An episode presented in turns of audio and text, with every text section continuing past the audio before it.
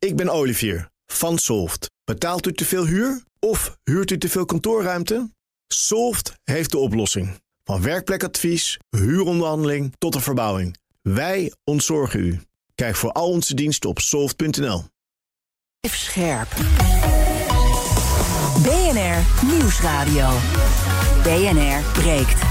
Ivan Verrips. Goedemorgen en welkom. Vanaf half twaalf praat ik over het nieuws van de dag. Over het Nederlandse start-up klimaat. Dat is veel te versnipperd vanwege al die start-up initiatiefjes die gemeenten lanceren. En over gemeenten gesproken. Gemeenteraden bestaan steeds vaker uit kleinere fracties. Valt een stad daarmee nog wel te besturen? Ga ik straks vragen aan mijn panelleden. En die hebben allebei ook een politiek, team, politiek linkje. Dat is toch fijn. Geert Noordzij, klimaatactivist. Hij is actief bij de PvdA in Amsterdam. Goedemorgen. Goedemorgen. En Daphne Lodder, voorzitter van de JOVD. Goedemorgen. Goedemorgen. We gaan beginnen met... BNR breekt. Breekijzer. En dat heeft te maken met de vredesbesprekingen tussen Rusland en Oekraïne... die verder gaan in Turkije. Die gesprekken die gaan nog wat stroef, maar er zijn wel ideeën. Zo zou Poetin willen dat Oekraïne verder gaat als een soort eh, Korea... met Oost-Oekraïne en West-Oekraïne, een soort Korea-model dus. En ook heeft uh, president Zelensky van Oekraïne gisteren... tegen enkele Russische journalisten gezegd... dat er misschien wel te praten valt over de neutrale status... die Oekraïne zou moeten aannemen om een einde te maken aan de oorlog. Dus dan spreken ze uit dat ze voorlopig geen NAVO-lid willen worden. Verder is demilitarisering van Oekraïne Oekraïne volgens Zelensky niet aan de orde. En uh, is van een overeenkomst pas sprake als de Russische troepen zich terugtrekken. Kortom, de handtekeningen zijn nog niet zo 1, 2, 3 gezet. Maar er wordt wel gesproken.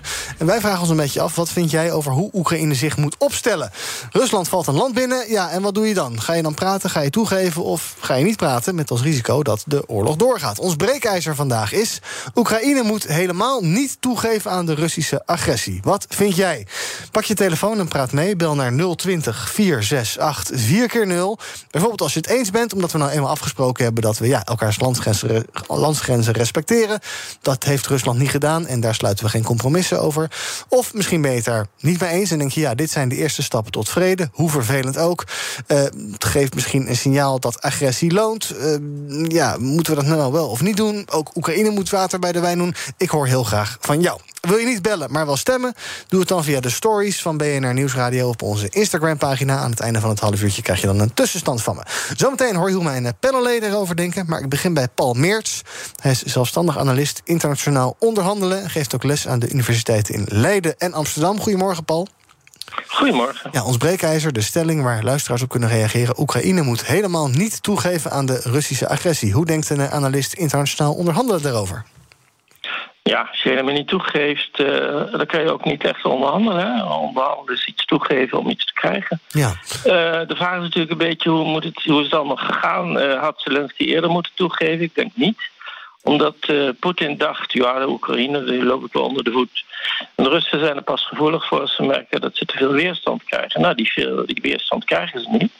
Maar dat wil niet zeggen dat je maar door moet gaan. Uh, ik denk inderdaad dat hij wel wat moet toegeven. Nou, niet de, helft van Oekraïne weggeven. Dat is natuurlijk een Russisch onderhandelingsbod. Daar moet hij niet op ingaan. Maar dat hij wel iets moet doen met de Donbass, Krim... en ook neutraliteit lijkt me ook. Uh, demilitarisering is maar wat je eronder verstaat. Ja. Maar als je net als Zwitserland neutraal bent met een sterk defensief leger... Uh, ik denk dat moet kunnen. En dan moet toch ook Oekraïne de garantie krijgen... dat niet opnieuw de Russen zullen gaan binnenvallen. Ja. Dus daar is natuurlijk best onderhandelingsruimte. En is dit dan ook het moment om uh, ja, concreet te worden? Want je zei net, ja, had hij niet gelijk moeten doen. Dat was onhandig geweest. Maar ja, wanneer dan wel? Nou ja, ik denk dit is het moment. Je ziet het vaak in een oorlog. Uh, parallel in de oorlog lopen dan onderhandelingen. Mm -hmm. En uh, dat is niet het geval. En hoe sneller ze natuurlijk iets bereiken, hoe beter het is. Want ze gooien daar de hele boel plat. Ja. Uh, maar die Russen, dat is natuurlijk het punt bij de Russen. Wat is nou belangrijk voor Russen? Respect. Dan zit het op twee manieren. Aan de ene kant respect omdat je sterk genoeg bent. En de andere kant respect. Ja, ze willen toch wel bij Europa horen. Wat natuurlijk maar gedeeltelijk waar is. Maar als dan Biden gaat roepen van uh, ja, en ook de Amerikanen hebben dat in de negentiger jaren gedaan. Een beetje neerkijken op de Russen. Stel u nu toch niks meer voor. Uh, Sovjet-Unie is gevallen. Dus uh, we kijken nu alleen nog naar China. Dat is natuurlijk heel, heel, heel erg fout. Ja, dus we moeten met opgeheven hoofd kunnen vertrekken. Is onderhandelen de enige manier om hier uit te komen, wat jou betreft? Ja, je kan natuurlijk helemaal gaan uitvechten, maar dan wordt het een jarenlange hele bloederige oorlog, neem ik aan. Nou ja, het is vechten of onderhandelen. Ja. En het vervelende is, En dat zie je ook aan de recente oorlog in Karabach. Dat je vaak een oorlog nodig hebt om te gaan onderhandelen. En dat voor de oorlog onderhandelen eigenlijk niet helpt. Ons breekijzer. Oekraïne moet helemaal niet toegeven aan de Russische agressie. Paul blijft bij me, kom zo bij je terug. Ik ga een rondje panel doen en daarna naar onze bellers. Eerst maar eens kijken hoe uh, Daphne hierin staat. Wat vind jij? Moet uh, Oekraïne toegeven of niet? Ik sta erachter dat wij alles moeten doen om Oekraïne in staat te stellen uh, om zich te kunnen verdedigen. Dus de hele westerse wereld moet zich inspannen om Oekraïne te helpen. -hmm. Um, maar tijdens die onderhandelingen kan ik me wel voorstellen dat, dat Rusland niet met de staart tussen de benen wil vertrekken. Mm -hmm. Dus dat er uiteindelijk wel een bepaalde vorm um, van ja, toegeven plaats moet vinden om uh, ja, tot een oplossing te komen. Want ja. het allerergste is natuurlijk dat er ontzettend veel mensen het leven uh, verliezen hierdoor. Ja, elke dag gaan er mensen dood en dat wil je voorkomen. Dus hoe eerder die oorlog ten einde kan zijn, hoe beter. Ja. Aan de andere kant, uh, Rusland is zo'n land binnengevallen. Je wil Rusland niet ja, belonen door het land tegemoet te komen. Of is dat de enige optie, denk jij? Nee, dus, dus belonen is ook totaal geen, geen optie, inderdaad. Maar ik denk wel dat je, dat je reëel moet zijn in als je eenmaal aan die onderhandelingstafel zit, um, ja, met wie je te maken hebt. En dat je je in begin zo in ieder geval moet opstellen uh, in de zin van ja, wij, wij gaan niet toegeven. Zodat je in ieder geval de onderhandelingsruimte die je potentieel nog hebt. Hard to get. Ja, dat je, ja precies. ja. Dat je daar dan uh, een beetje mee kan, mee kan gaan spelen, onerbiedig gezegd. Um, maar goed, wij in het Westen moeten denk ik er alles aan doen om Oekraïne zoveel mogelijk te steunen. Uh, zodat zij ja, met een zo groot mogelijke onderhandelingsmacht ja. aan tafel kunnen zitten. Met een Russische leger dat natuurlijk uh, nou, steeds zwakker en zwakker wordt. Geert, wat vind jij? Ja, fijn dat ik hier mag zijn. En wat voor mij heel duidelijk, geloof ik, is de afgelopen tijd weer gebleken... dat niet alleen Zelensky, maar het overgrote deel van het Oekraïense volk... Uh, pro-Europa is en pro-Westen is. En dan wordt het heel lastig voor Rusland... om de Oekraïense bevolking uiteindelijk uh, mee te krijgen. Um, en vanuit dat punt um, heeft Zelensky natuurlijk een enorm draagvlak. En kan ik me ook heel goed voorstellen dat um, hij zo min mogelijk, zo weinig mogelijk of geen concessies wil doen uh, mm -hmm. aan Rusland. En zou je dat ook verstandig vinden? Ja, wat je bijvoorbeeld ook ziet is um, met de um, experts zeggen ook... Um, Poetin gaat nu meer focussen op de regio's Lugansk en Donetsk... -hmm en minder op de volledige overheersing van uh, Oekraïne. En daaruit blijkt maar weer dat um, Poetin ook inziet hoe sterk die Oekraïnse bevolking is en hoe uh, pro-Westen en pro-Europa ze ook zijn. Um, en dat zegt voor mij ontzettend veel. En daardoor kan ik me ook voorstellen dat um, Zelensky ontzettend voorzichtig is met concessies doen. Ja, dus jij bent het eens. Um, Paul en Daphne zijn het oneens. Uh, voordat ik naar het bellers ga, nog even, Paul, uh, ja, laatste nieuws... of nieuws van de afgelopen dagen, uren, wat binnenkomt... ideeën die je opeens hoort. Uh, er zou worden, na, althans, Poetin zou een Korea-model willen. Um, dus net zoals we Noord- en Zuid-Korea hebben... zou het dan West- en Oost-Oekraïne worden. dat zeggen de Oekraïnse inlichtingendiensten. Is dat inderdaad een ja, strategie die, die reëel is, die, die, die te verwachten is van Rusland? Nee, dat is helemaal niet reëel. Het is een bod, een, een, een eerste een bieding in het onderhandelingsspel. Maar ze zullen veel lager moeten uitkomen. Ja, namelijk uh, wel, uh, Nou ja, wel, ik denk uh, de, de Donbass wel. Misschien zelfs de hele Donbass, maar dat is weer een ander verhaal. Dat is natuurlijk het industriegebied van Oekraïne. Mm -hmm. Maar in ieder geval wat ze nu hebben in de Donbass, de Krim... want de Krim was nou eenmaal voor 80% al woonden Russen. Dus dat is op zichzelf allemaal nog niet zo merkwaardig. En dan gegarandeerde neutraliteit met een sterk leger voor Oekraïne. Want het, het grootste probleem voor Poetin komt nog... als hij erin zou slagen heel Oekraïne te veroveren dan kan hij het nooit vasthouden. Het is veel erger dan Afghanistan. En als hij het probeert allemaal te controleren... dan zal dat de ondergang waarschijnlijk zijn van Rusland zelf. Je ziet bij Yeltsin al in die tijd... dat een heleboel gouverneurs toen al vonden... dat ze los moesten komen van de Russische federatie. Dus de, de hele eenheid van Rusland staat uiteindelijk op het spel als die wint. Ja. We weten dat, uh, Daphne zei dat net, met de Russen niet per se heel goed gaat in hun strijd. Dat het niet gaat zoals zij verwacht hadden. Ja, heeft Poetin er niet ook belang bij om snel een deal te maken? Want ja, hij wordt ook met de dag misschien wel minder sterk. Nou ja, dat is het grote probleem in zo'n oorlog. Uh, hoe meer tegenstand ze krijgen op de grond, en die krijgen ze, hoe meer ze gaan over, overgaan tot raketaanvallen. En misschien ook wel tactische kernwapens. Ja. Je hebt het, we hebben steeds gedacht, hij valt de Oekraïne, valt Oekraïne niet binnen. Heeft hij wel gedaan. Hij gaat straks gooien misschien met uh, tactische kernwapens op het centrum van Lviv, enzovoort, enzovoort. Dat hm. risico moet je volgens mij niet nemen. Nee. Um, valt er dan wel te onderhandelen met iemand die zo onvoorspelbaar is? Jawel, want hij wil natuurlijk wel in het zadel blijven zitten... en hij weet als hij gaat gooien met tactische kernwapens... dat hij dan helemaal in de wereld uit is. Dan is het echt afgelopen met hem. BNR breekt. Ivan Verrips.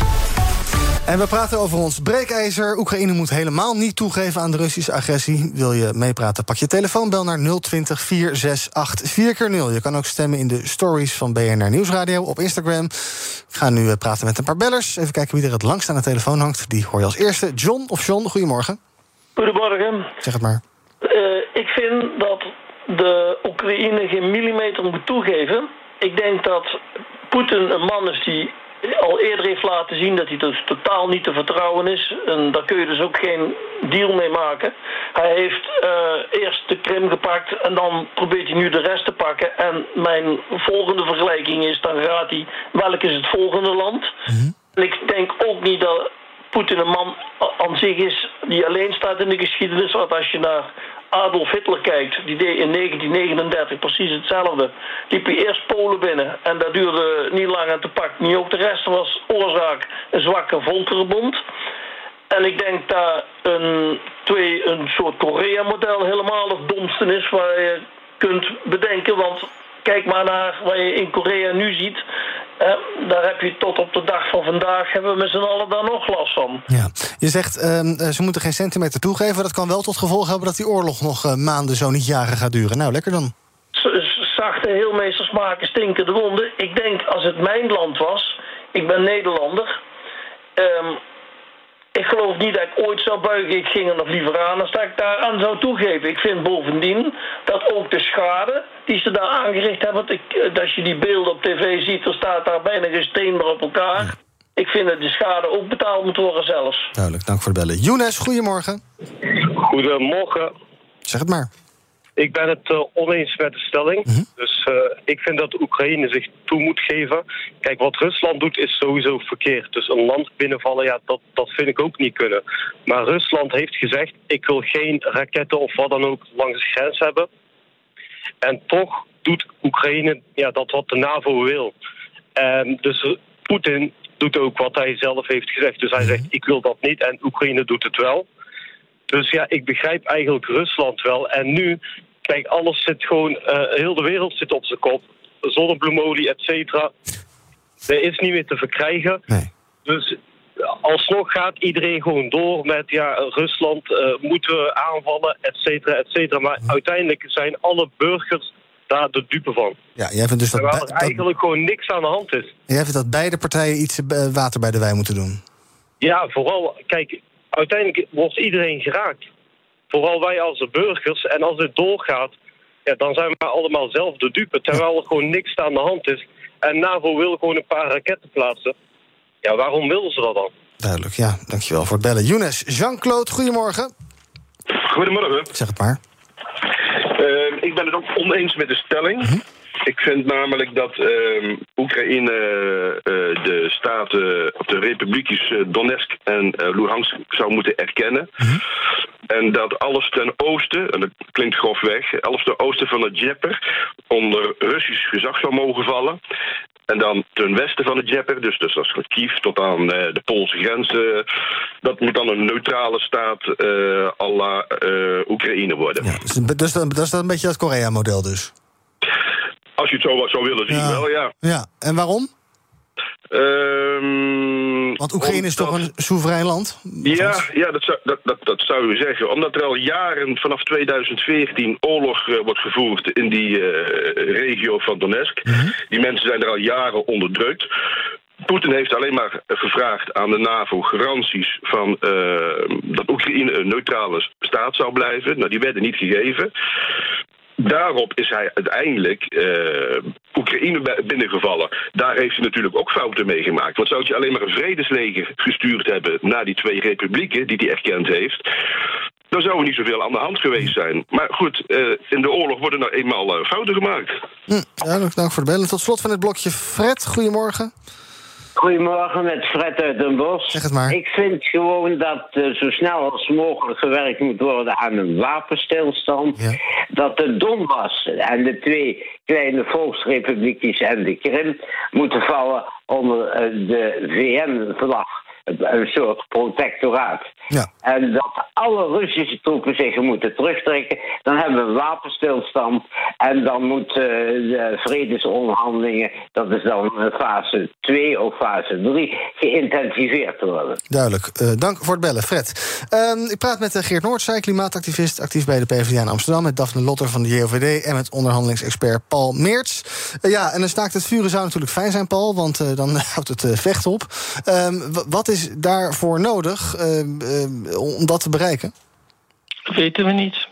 Je moet vooral niet te veel gaan toegeven. Hè? Want eh, dan blijft er van Oekraïne helemaal niks meer over. Nee. Je moet dus een soort balans zien te vinden tussen het beëindigen van de oorlog en, eh, en, en toch de Russen iets geven. Ja, dan kan je zeggen, ja, dan worden ze beloond voor een agressie, maar dat is een soort morele vraag. En moraliteit, eh, sinds eh, Machiavelli weten we dat moraliteit in de internationale politiek, dat werkt helemaal niet. Dus je moet je niet te veel laten leiden door allemaal morele overwegingen, maar wel door machtsoverwegingen. En Oekraïne moet een machtsfactor blijven. Ja. Ehm, eh, waarom is eh, Zelensky niet eh, principieel en zegt hij... want hij heeft gezegd over die neutraliteit valt best te praten. Hij wil dan dus wel veiligheidsgaranties. Wie zouden die eigenlijk moeten geven? En de tweede vraag, ehm, eh, ja, je zou kunnen denken als Zelensky zijn... ja, we bepalen zelf wel of we lid willen worden van de NAVO of niet. Of heeft hij die luxe simpelweg niet meer, om dat te zeggen? Nee, die luxe heeft hij helemaal niet meer. En Bush had hem nooit mogen uitnodigen, ook Georgië niet, om toe te treden tot de NAVO. Dan weet je toch dat je Rusland enorm op zijn staart trapt. Dat is al nummer één. Ja, en dan eh, kan je zeggen, ja, maar Zelensky is een harde hoor. Zelensky is niet minder hard dan Poetin. Dat is misschien ook wel... eh, in het begin had hij het misschien toch ook een beetje klein moeten bijgeven. Maar goed, ik weet niet of dat geholpen had. Eh, hij zal op een gegeven moment wel iets, iets, iets moeten doen. Maar hij moet niet te veel doen. Hij moet zorgen dat hij goed overeind blijft. Dat er niet een schaduwregering wordt. Waardoor hij komt, waardoor hij zelf helemaal niet meer meetelt. Je moet zorgen dat Oekraïne echt wel overeind blijft. En dat Rusland dat accepteert. En dan alles weg gaan geven ten oosten van de Djinjeper. Dat is een heel slecht idee. Dat mag je nooit doen. Onzalig idee dus. Eh, stel dat zij er nou uitkomen, die twee landen. Welke, eh, dat wat we even makkelijk zeggen in een zinnetje... maar dat zal vast een hele tijd duren. Maar stel dat er iets van een overeenkomst komt. welke rol is er dan nog weggelegd voor de EU en de VS? Zullen die daar ook mee moeten instemmen op een of andere manier? Ze hoeven er niet mee in te stemmen, maar je krijgt natuurlijk wel dat Poetin zegt: ik wil alleen een, een vredesovereenkomst als alle sancties opgegeven worden. Dat zal een voorwaarde moeten zijn van vanuit hem. Het gevolg is dan dat aan de Oekraïnse zijde en de westerse zijde moet worden gezegd: nou goed, dat willen we wel doen, maar dan willen we dat de schade voor Oekraïne in wat de Oekraïne moet geven aan, eh, aan Rusland zo, zo gering mogelijk moet zijn. Hè. Die sancties zijn er juist om te zorgen dat er vrede komt, maar wel zodanig dat de Oekraïne blijft staan. En dan moeten er garanties komen, zowel van NAVO eh, als van, eh, van Rusland, dat ze Oekraïne dan verder met rust zullen laten. En er moeten ook garanties komen in voorlopig vredestroepen daar, enzovoort, enzovoort. Langs de grenzen, misschien een beetje gedemilitariseerde zone. Want eh, zomaar garanties op papier, dat hebben we gezien nadat het helemaal misging. Ook al waren die garanties gegeven, dus een nucleaire wapensopgave. Alleen maar garanties op papier, daar schiet je niks meer op. Het moet, moet een, zekerheid zijn. Laten we nog even kijken naar die eh, andere leiders eh, in de wereld, Daphne. Ehm, eh, denk eventjes aan de leider van de vrije wereld, president Joe Biden. Die heeft dit weekend allemaal toch wel wat gekke dingen gezegd. Luister even mee. He's a butcher. That's the Mexican. Did you make additional Thank you guys. Thank you guys. Thank you. En toen was het eh, gesprek klaar. Biden noemt Poetin een butcher, een slager. En hij zei ook nog... For God's sake, this man cannot remain power. Ja, hij wilde ook dat eh, eh, eh, Poetin, hij zei, Poetin moet weg. Dat werd natuurlijk gelijk door het Witte Huis nou, gedownplayed. Dat had hij niet zo bedoeld. Hij moet vooral zijn macht niet verder uitbreiden. En dan moeten andere leiders, zoals Olaf Scholz, die moeten dat weer gaan gladstrijken op tv. Das ist nicht das Ziel der NATO, übrigens auch nicht des amerikanischen Präsidenten. Wir sind beide völlig einig, dass Regime Change kein Gegenstand und Ziel von Politik ist, die wir miteinander verfolgen. Ja, Daphne, uh, Biden is niet zo handig bezig, hè? Met dit soort teksten. Nee, wat, wat Biden zegt, snap ik wel. Hè. Ik voel het ook zo. Maar goed, ik ben inderdaad niet de leider van de vrije wereld. En ik denk dat je dan in een bepaalde diplomatieke positie zit... waarin je, um, ja, inderdaad, wat, wat Pan het ook al zegt... dat die, die moraliteit toch minder moet meenemen uh, aan de onderhandelingstafel. En dat is wat hij, wat hij nu wel doet. Mm -hmm. um, wat wel overigens betekent natuurlijk... is dat, dat uh, Oekraïne en Zelensky door het Westen en Europa en de VS... Uh, zoveel mogelijk gesteund kan worden... om uiteindelijk zijn eigen onderhandelingspositie aan de tafel met Poetin... natuurlijk weer zo sterk mogelijk te maken. Dus uh, alle steun die we kunnen geven aan, aan Oekraïne... Um, vind ik meer dan terecht. En ik word hier ook... ik hoor net ook door de bellers dat het af en toe een beetje gedownplayed wordt... alsof er een, een, een oorlogje is en ook Poetin maakt fouten. Maar goed, en dat is natuurlijk totaal niet wat er aan de hand is. Hè. Er is een, een, een grootmacht die een soeverein land binnenvalt... en op burgerdoelen schiet en, en mensen vermoordt. Ik bedoel, dat is ook iets wat we natuurlijk niet, uh, niet moeten vergeten. Nee, Geert, hoe kijk je naar die bellers van net? Die zeggen, nou ja, alles uh, uh, ten, ten oosten van die uh, Dnipro... dat moeten we maar weggeven en nou ja, dan lossen we het zo op. Ja, ik vind het sowieso lastig om Heel hier pragmatisch. op de radio... bijna een soort levensstratego Mhm. te gaan spelen van... ja, dit wel en dat niet. En ook nog over uitspraken over, van bijvoorbeeld Biden. Dat is denk ik ook niet het focuspunt waar we nu op moeten letten. Het is denk ik nu echt niet het moment dat we moeten bedenken... oh, hoe gaan we Poetin um, in de media noemen? Hoe gaan wereldleiders Poetin noemen? Um, het is nu wat we in Nederland de afgelopen weken... ontzettend goed bijvoorbeeld hebben gedaan... is kijken hoe kunnen we noodhulp bieden voor alle vluchtelingen. Dat zagen we met Giro 555, waar een enorm mooi resultaat is behaald. Um, en dat is een enorm mooi resultaat wat we ook in Nederland kunnen behalen. maar het is ook nu niet het moment om levensstratego op de radio te gaan spelen. Het is nu het moment om te kijken wat kunnen wij doen. Paul Meerts tot slot, uh, analist internationaal onderhandelen. Uh, dit uh, vindt dus plaats in Istanbul. We hebben eerder al overleg gehad in Ankara, geloof ik. We hebben al overleg gehad in Belarus. Ehm, zegt dat nog iets over de plek waar dit gebeurt? Wie daarvoor openstaan om als een soort mediator op te treden? Is Erdogan de juiste figuur om dat te doen?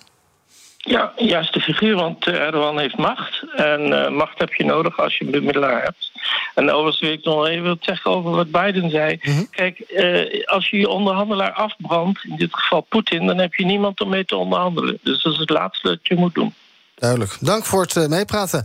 Paul Meerts, analist internationaal onderhandelen. Onze breekijzer vandaag. Oekraïne moet helemaal niet toegeven aan de Russische agressie.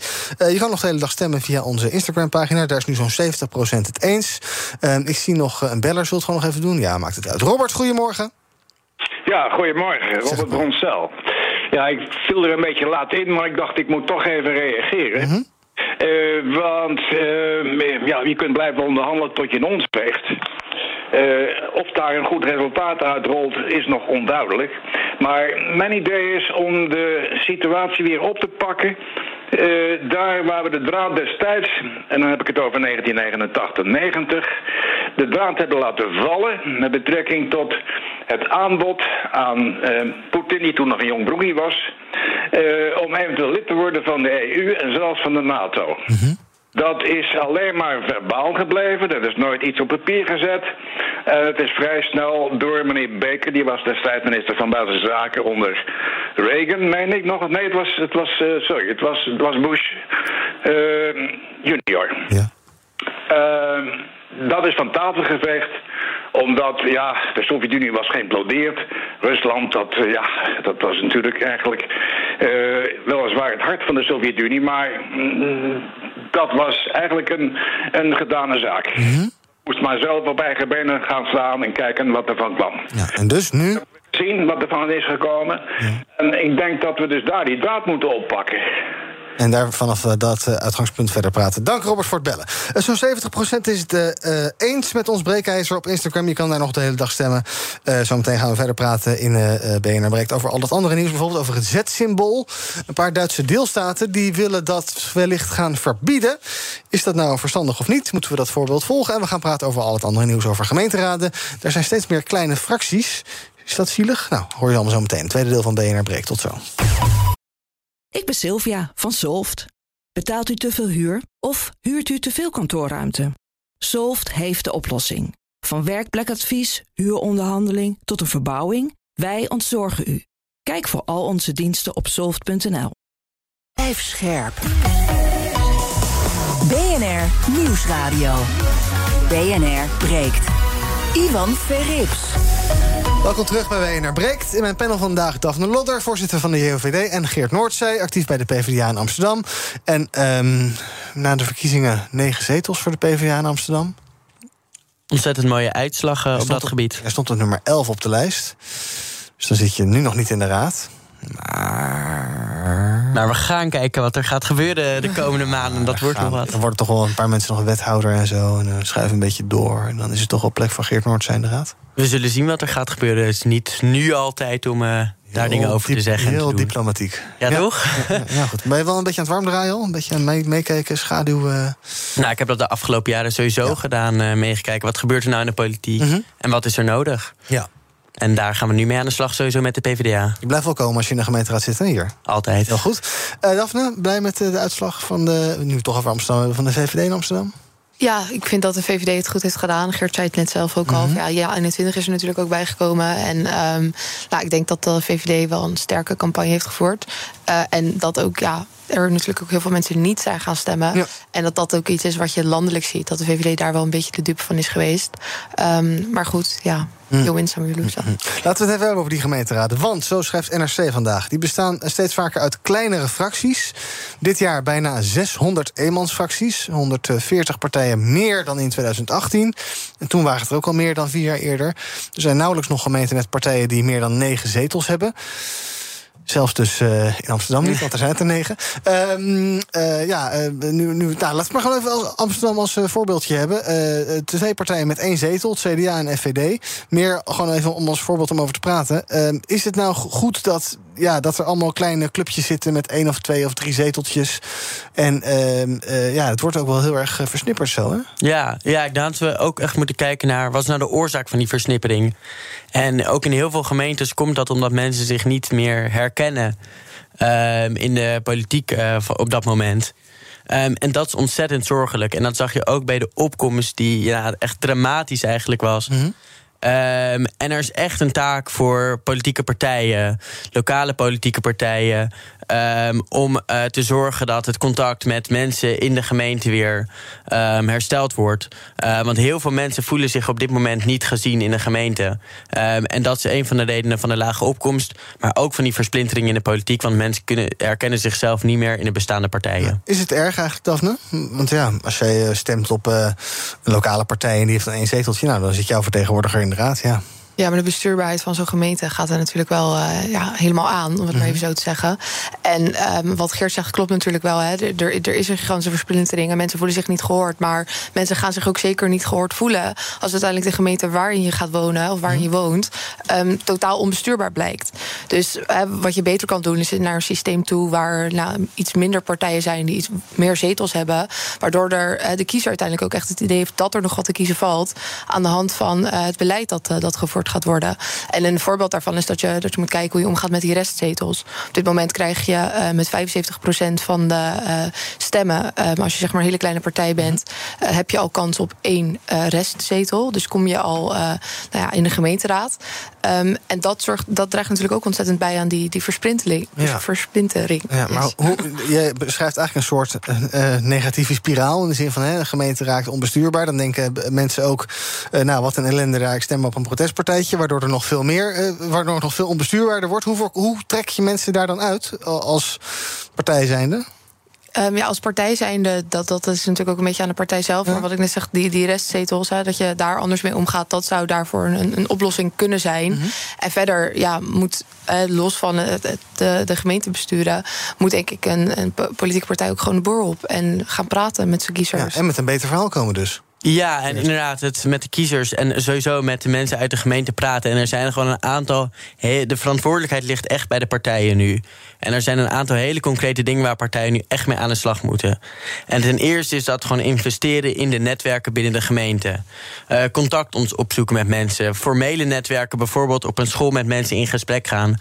Maar ook met groepen uit de buurt. Ehm, elke keer wanneer er bijvoorbeeld een motie wordt ingediend, moet je dat niet als politieke partij gewoon enkel als partij doen. Maar samen met de mensen uit de buurt om wie het gaat. Niet één iemand die inspreekt, maar vijf mensen die inspreken. Daar, dat is de toekomst. Op die manier, dat is de enige manier hoe we kunnen zorgen dat mensen zich weer betrokken voelen bij de politiek. Dus we zien jou Ehm, ook buiten de campagne gaan we jou eh, veel op straat zien in Amsterdam. ja, tuurlijk, dat is het hele idee Ja, van het eh, de gemeenteraad. van, joh, inderdaad. het, is campagnetijd. We zien ze overal met de flyers en ellende. En eh, daarna hoor je vier jaar niet van ze. Ben je van ze Ja, maar bij de. PvdA is het gelukkig niet het geval. Ehm, we gaan, en dat is ook belangrijk, om keihard te investeren eh, juist als partij, als je lokaal bent, Hm. ehm, in die eh, netwerken. En ehm, politiek werkt de laatste tijd ook veel te vaak. Dat zie je ook op social media. Eén kant op. Het is de partij die ideeën verspreidt. Maar als partij moet je juist ook ideeën, oplossingen, problemen ophalen bij de mensen uit de buurt. Want daar gaat het uiteindelijk om. En het is bizar dat we op dit moment eigenlijk in een systeem zitten van de gemeenteraad. die het meest dicht bij de mensen komt. Waar mensen zich het meest ver van, eh, ja, van afvoelen. Ja, nou, je moet echt aan de bak, zeg. Ehm, Daphne, eh, kiesdrempeltje dan maar... dat we al die kleine partijtjes even eruit wippen. Ja, dus in ieder geval een aanpak om, om die restzetel te verminderen. En ik denk dat wat, wat Geert zegt, eh, idealistisch gezien heel goed is. Maar als je kijkt ook naar de opkomst van eh, de, de gemeenteraadsverkiezingen uiteindelijk... eh, door na, aan al die versplintering nu een geluid te geven... weerspiegel je niet eens de mening van, van een hele gemeente. Omdat echt maar 30, 40 procent überhaupt naar die stembus is gekomen. Dus door middel van eh, een, een iets hogere kiesdrempel... eh, zoals in Maastricht bijvoorbeeld ook al wordt, eh, wordt voorgesteld, geloof ik... ehm, zou je dat wel eh, kunnen voorkomen. En de daadkracht uiteindelijk van die partijen veel meer vergroten. Zodat je uiteindelijk ook nou, uitvoering kan geven aan wat, wat Geert zo mooi beschrijft. Alright. Ehm, we gaan ehm, zo meteen nog praten over eh eh, start-ups. Ik ben Olivier van Solft. Betaalt u te veel huur of huurt u te veel kantoorruimte? Solft heeft de oplossing. Van werkplekadvies, huuronderhandeling tot de verbouwing. Wij ontzorgen u. Kijk voor al onze diensten op soft.nl. BNR breekt. Ja, ik zei het al, tal van kleine start-up initiatiefjes. En dat is slecht voor het start-up klimaat rondom deze kleine, nieuwe, innovatieve bedrijven. En daardoor blijven die start-ups lokaal en klein, zegt Meerte Hoijman van TechLeap. Bij ons groeit slechts 21% door tot scale-up. Dus tot een groot bedrijf. En dat is precies waar we met elkaar moeten inzetten. Dus het gaat vooral om het helpen deze bedrijven over hun eigen grenzen heen te groeien. En dat is zeker boven de gemeentegrenzen, maar zelfs ook boven de landsgrenzen. Daarom is samenwerking binnen onze landsgrenzen zo belangrijk. Dat zei ze vanochtend hier bij BNR. TechLeap, dat kennen we vroeger, heette dat geloof ik Startup Delta. En Nederland krijgt dus steeds meer moeite om te concurreren met andere landen. Ehm Daphne, we moeten, eh, ja, grote Ne- Nederlandse bedrijven... die willen uitgroeien naar een groot techbedrijf. Gebeurt niet echt, hè? Ik ken nou niet echt van, die, ja, misschien Booking.com... maar ken je nou verder grote reuzen? Ja, ASML, ASML, maar ja. dat is natuurlijk weer chipmachinefabrikant. Ehm, maar echt een Nederlandse Google, Hotmail, je hebt Spotify... maar dat is niet Nederlands, dat is Zweeds, geloof ik. Ja, wat, hoe komt dat nou? Hoe, hoe gaan we die bedrijven laten groeien?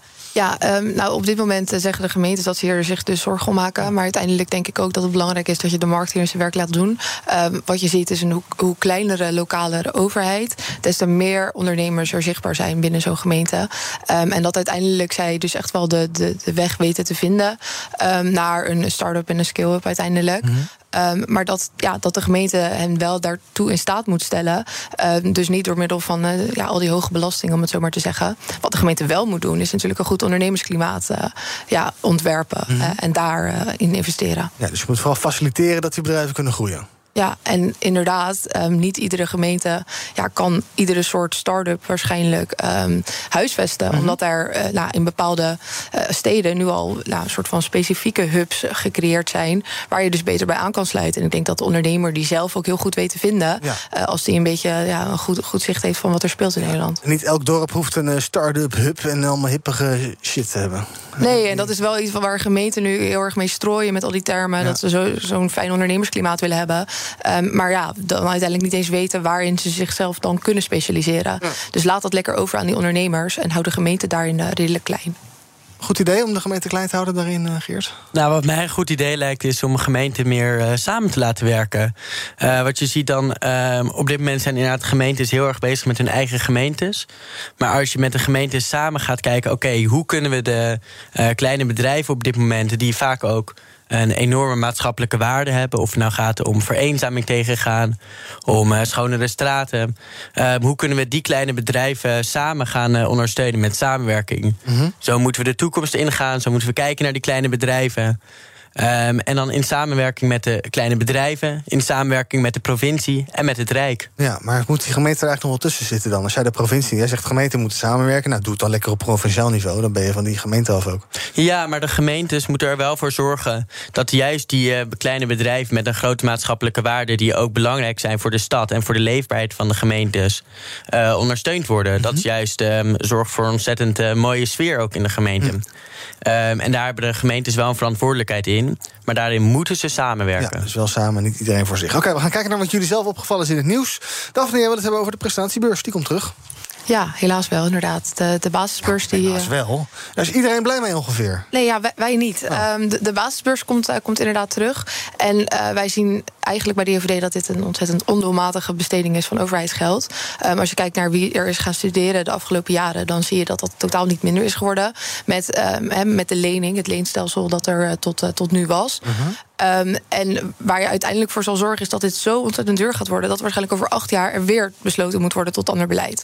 Waar wel naar gekeken moet worden, is hoe je die aanvullende beurs kunt vergroten. Dus hè, dat de inkomensgrens bijvoorbeeld opgeschoven kan worden voor, ehm, eh, voor studenten met minder draagkrachtige ouders. Ja. En dat is iets waar, hè, wat supergoed is om daar naar te kijken.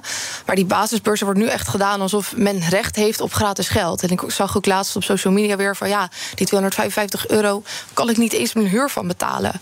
Wanneer is het de taak geworden van de overheid om van ieder student de huur te kunnen betalen? Nou ja, als je als overheid wil dat eh, jongeren of mensen aan het begin van hun leven onbekommerd kunnen studeren en daar al hun tijd in kunnen steken, is dat misschien wel wat waard. Het is Want het is ook goed voor je kennis, economie enzovoort enzovoort. Zeker, en daarom is er dus een, een leenstelsel waarin je onder hele gunstige voorwaarden uiteindelijk die lening kan aflossen. Ja. Studeren is een investering in jezelf. En tuurlijk, het ligt een beetje aan wat jouw visie is op Mhm. hoe een overheid moet werken in Nederland. Maar ik denk niet dat, hè, dat op dit moment bijvoorbeeld de MBO-student, die vaak tot zijn achttiende nog thuis woont, ehm, dus weinig profiteert van een basisbeurs, dus 90 euro in de maand ontvangt, eh, daarna eh, ook nog thuis blijft wonen, gewoon direct gaat werken.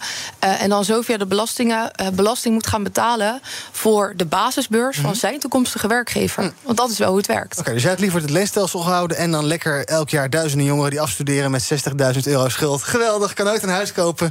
Succes daarmee. Nee, maar dat is wel iets waar je aan moet doen. Die huismarkt, dat is belangrijk. Want wat nu bijvoorbeeld, hè, er wordt nu heel veel gesproken over die compensatie. Nou, dat, dat levert heel veel gedoe op. Ehm, maar uiteindelijk telt nog steeds de hoogte van jouw studieschuld mee bij de aanvraag van een hypotheek. En dat is heel erg gek. Want jij mag wel volgens de overheid 1500 euro huur in een maand gaan betalen. Ehm, maar als jij een hypotheek wil, wil aanvragen die jou 1000 euro in de maand kost, dan ben je ineens niet draagkrachtig genoeg vanwege je studieschuld. En dat is iets, eh, daar, daar moeten zeker zaken in veranderen, absoluut. Geert, je het eens met Daphne? Nee, en dat komt er eigenlijk Oh, verrassend. ja, enorm verrassend. Maar we zijn de afgelopen jaren bij het leenstelsel wordt er iets vergeten. En dat is eh, stress om schulden. Mensen hebben, mensen hebben schulden, mensen hebben daar enorme stress om. Dat zie ik ook om me heen. Als je een enorme studieschuld hebt, eh, dan levert dat enorme stress op. En dan kan je niet prettig studeren. Dan kun je daarna niet fijn verder. En dat levert enorme problemen Misschien op. wel eens papa en mama niet kunnen betalen, dan wel. Precies, en dat creëert ongelijkheid. Ehm, en ik geloof juist dat we Nederland een land moeten zijn waar je gelijke kansen hebt, waar iedereen kan studeren en waar je niet dan uiteindelijk met schuldenstress terechtkomt. Ja, ik snap wel wat je zegt hè, met betrekking tot, tot de stress die, die schulden oplevert. Maar ik denk dat je dan iets moet doen eh, aan de houding die, die men heeft tegenover die investering in jezelf. Eh, en dat je dus uiteindelijk een studieschuld aangaat. Eh, om dan maar te zeggen van joh, hey, ik zie dat dit nu vervelend is in de korte termijn dat we die, die lening hebben gehad, hè, dat leenstelsel. Dus ja, tot in hoeverre heb je dan lange termijn effecten? Die kun je niet meten. Ehm, dat we gaan zeggen, we gaan daar wat aan veranderen. In plaats van dat we nu dan maar iedereen ehm, geld gaan geven. Ehm, wat ook niet eens genoeg gaat zijn om natuurlijk van heel rond te kunnen komen. hè, In een maand die 255 euro die op tafel ligt. Ja, wat ik net ook al zei, daar kan je ook huur niet van betalen. Dus, jij je zou zeggen, moeten er- werken. jij zou zeggen, maak er 600 van. Ik zou zeggen, kijken naar hoe je er wel voor kan zorgen dat het genoeg is, zodat iedereen kan studeren. Ja. Ja, en het is ook nog eens een hele erg ondoelmatige uitgave van overheidsgeld. Hè? Ik bedoel, de pot met, met hè, inkomsten is maar zo groot. En die kan dan niet gaan naar investeringen in onderwijs. Die kan dan niet gaan naar de zorg. Die kan dan niet gaan naar defensie.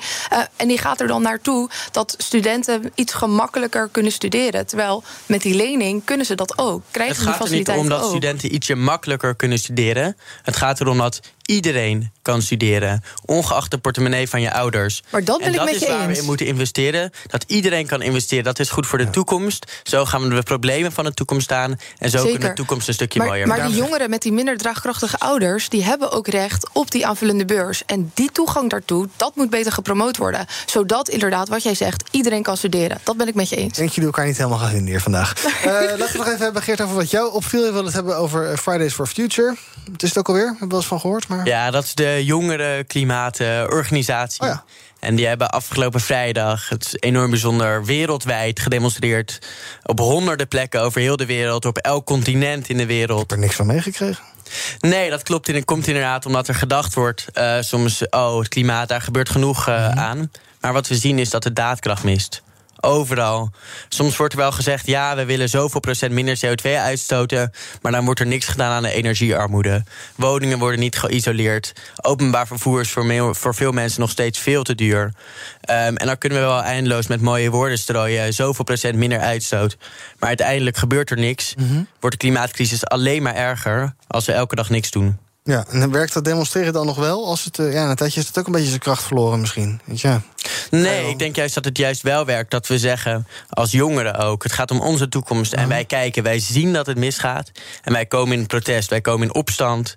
Ehm, wij stoppen niet na één keer. Wij stoppen pas als we zien dat de klimaatcrisis... met de juiste urgentie en rechtvaardigheid aan wordt gepakt. Dat is het moment dat wij stoppen met demonstreren. Eh, zodra de wetenschappers ook zeggen, nu is het goed. Nu kunnen we de klimaatcrisis tegengaan. Maar daar is daadkracht voor nodig en dat mist er nu overal. Daphne, was je erbij, Fridays for Future? Nee, nee, ik heb er wel wat over gelezen in het nieuws. Dat er een, een artieste werd gecanceld omdat ze volgens mij dreadlocks eh, droeg. En dat dat cultural appropriation was. Dus ja, zo daadkrachtig willen ze dan misschien toch niet zijn. Als ze zich daarom druk gaan maken. Maar, Oh goed. Het, doel, het doel, even... Het doel, nee, natuurlijk, hè, die klimaatverandering, daar, daar moeten we wat aan gaan doen. Ik denk wel dat, dat nu de overheid met een heel zinnig pakket aan, aan maatregelen is gekomen. En natuurlijk dat, dat fonds om die klimaatverandering tegen te gaan.